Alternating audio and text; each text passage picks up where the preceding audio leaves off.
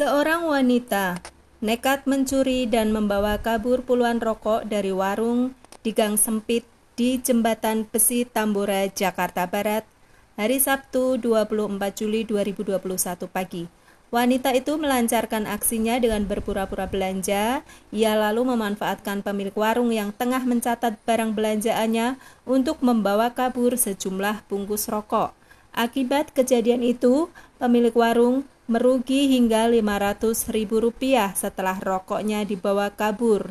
Peristiwa itu terekam dalam video yang diposting akun Instagram Merekam Jakarta yang mendapatkan kiriman dari @yenisu.wen.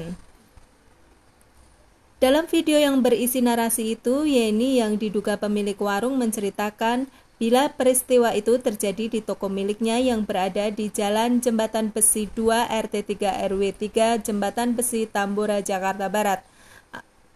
Awalnya pelaku melancarkan aksinya dengan modus membeli barang di toko hingga mencapai 800 ribu. Pelaku sengaja meminta Yeni memisahkan rokok dengan barang lainnya yang dipesan menggunakan kantong plastik.